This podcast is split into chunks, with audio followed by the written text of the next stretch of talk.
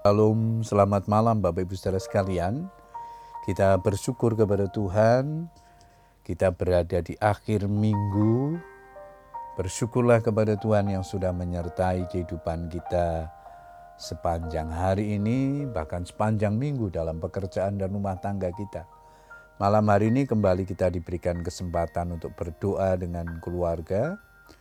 Namun sebelum berdoa, saya akan membagikan firman Tuhan yang malam hari ini diberikan tema Jangan melepaskan kepercayaan. Ayat mas kita di Ibrani 10 ayat yang ke-35. Sebab itu janganlah kamu melepaskan kepercayaanmu karena besar upah yang menantinya. Iblis tahu benar titik lemah yang sering kali membuat manusia mengalami kejatuhan yaitu berkenaan dengan materi dan segala kenyamanan daging, iming-iming uang atau kekayaan, kedudukan atau pangkat, popularitas dan juga soal jodoh sering kali membuat banyak orang tidak tahan dan akhirnya bertekuk lutut. Setelah gagal mencobai Yesus di padang gurun, ia mundur daripadanya dan menunggu waktu yang baik. Lukas 4 ayat yang ke-13. Artinya, iblis tidak pernah menyerah begitu saja. Ia menunggu waktu yang tepat dengan mencari celah sekecil apa pun untuk menjatuhkan manusia.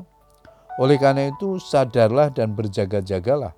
Lawanmu si iblis berjalan keliling sama seperti singa yang mengaum-ngaum dan mencari orang yang dapat ditelannya.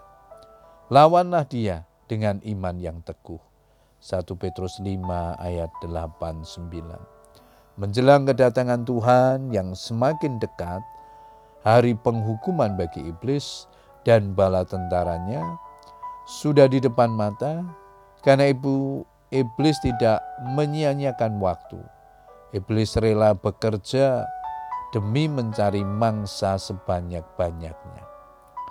Kalau iblis sedang giat-giatnya bekerja, di sisi lain banyak sekali orang percaya yang bermalas-malasan mengejar perkara-perkara rohani.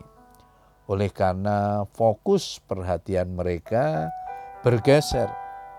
Tidak lagi mengumpulkan harta rohani di surga, tetapi berlomba-lomba mengumpulkan harta duniawi.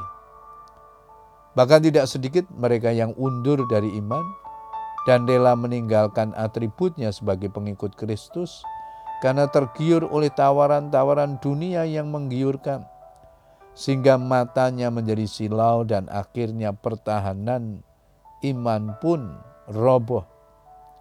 Rasul Paulus menasihati, tetaplah kerjakan keselamatanmu dengan takut dan gentar.